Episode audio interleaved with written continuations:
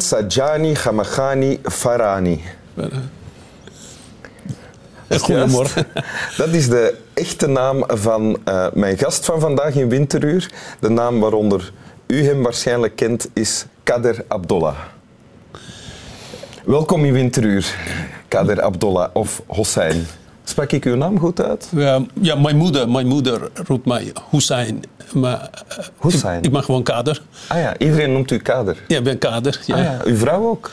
Ja, kader, maar als ze verdrietig is, wordt het Hussein. Als ze verdrietig is? En als ze kwaad als, als ze klaagt, als ze klaagt, en dan wordt het Hussein. Ah, oké. um, ja, sch uh, dichter, schrijver, columnist. Uw bekendste boek is Het Huis uh, met de Moskee, denk ik. Het Huis van de Moskee. Van de ja. Moskee is een ja. paar jaar geleden ja. ook gekozen als op één na beste boek van de Nederlandse literatuurgeschiedenis. Fictie. Mooi. Uh, maar u bent, uh, uh, u bent niet van oorsprong Nederlander, u bent afkomstig uit Iran. Gevlucht in 1985 als 20-jarige, 21-jarige. 1988 ah, kwam ik Nederland binnen.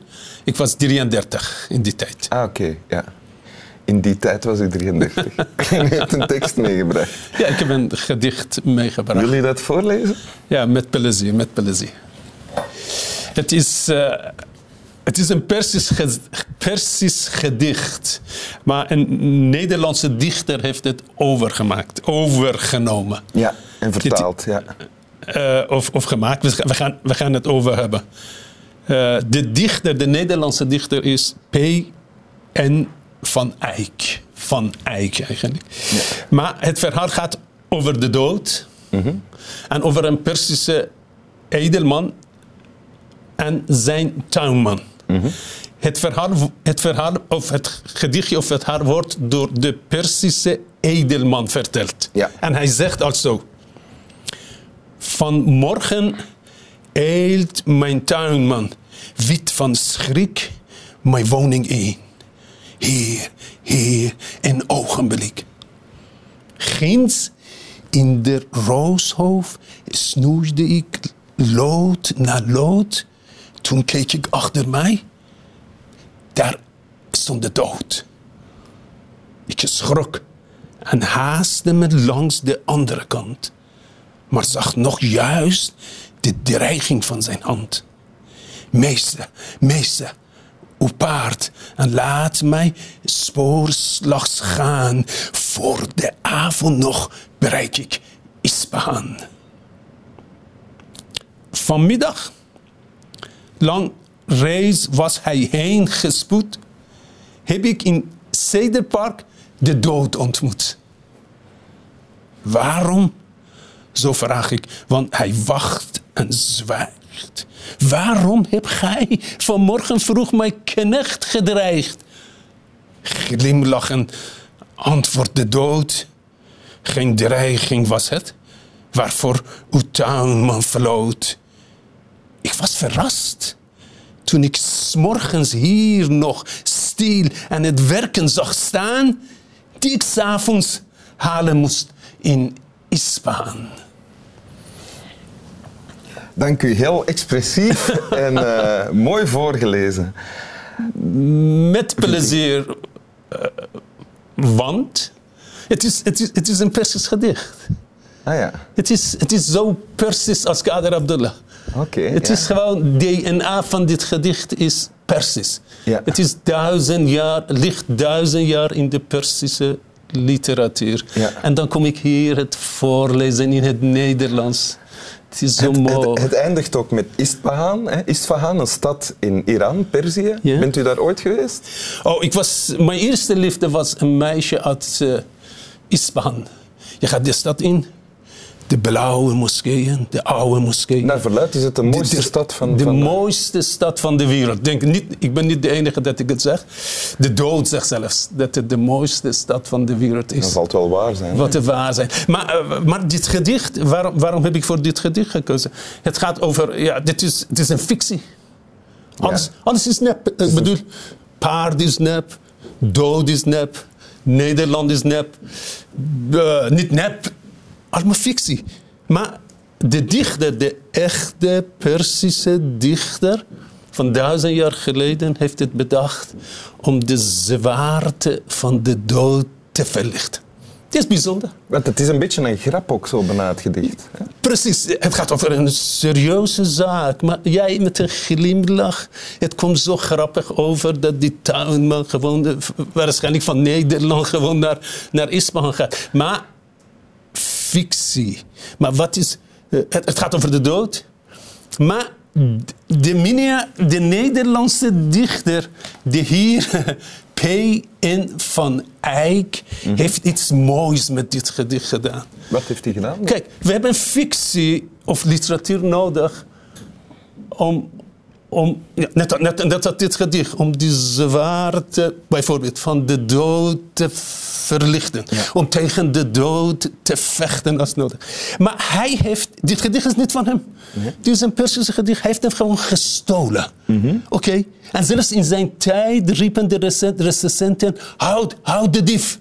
En hij heeft een heel moeilijke tijd gehad in zijn tijd toen hij met dit gedicht kwam. Want hij heeft nooit gezegd dat dit gedicht een Persische gedicht Oh was. ja, hij had niet Dat- gezegd dat het een Niet, was. gezegd waar er is. Dit, dit was, hij was pelagiaat gepleegd, oké. Mhm. Maar, maar met die fictie en met die pelagiaat heeft hij zichzelf vereeuwigd. Oh ja.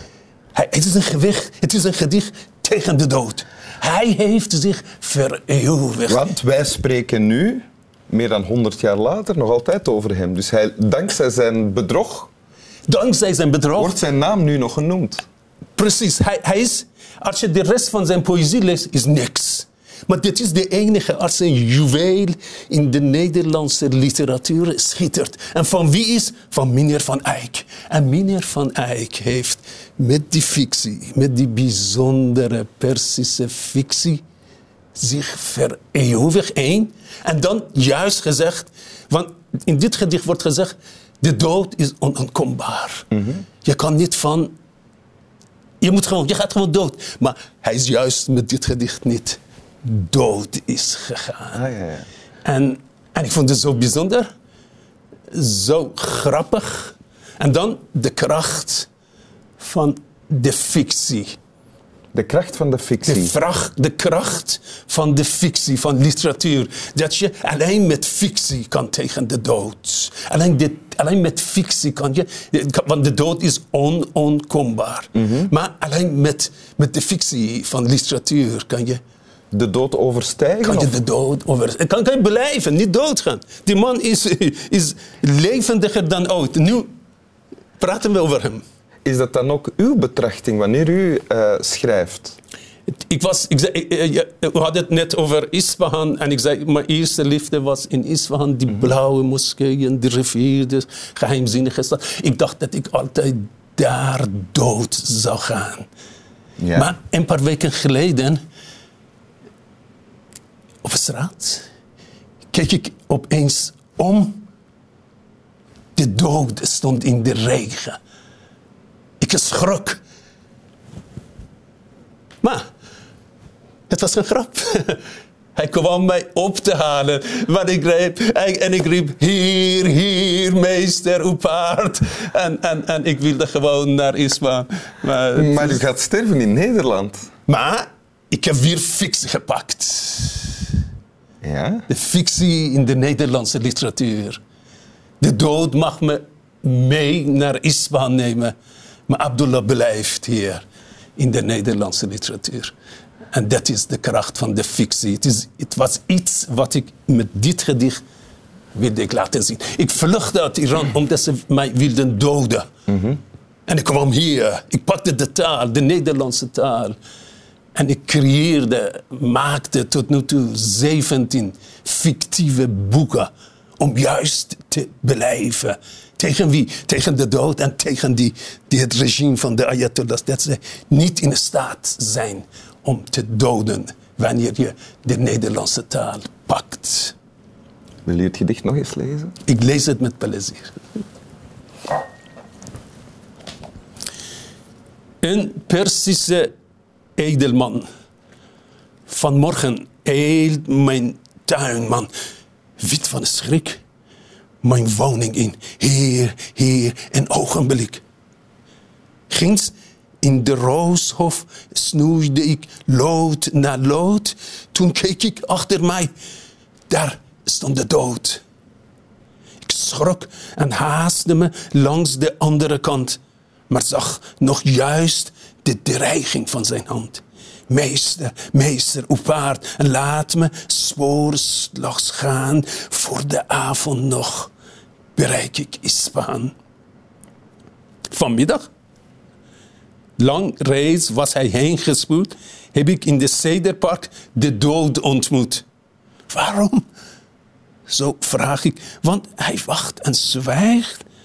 Waarom hebt gij vanmorgen vroeg mijn knecht gedreigd? Glimlachen antwoordde de dood, geen dreiging was het.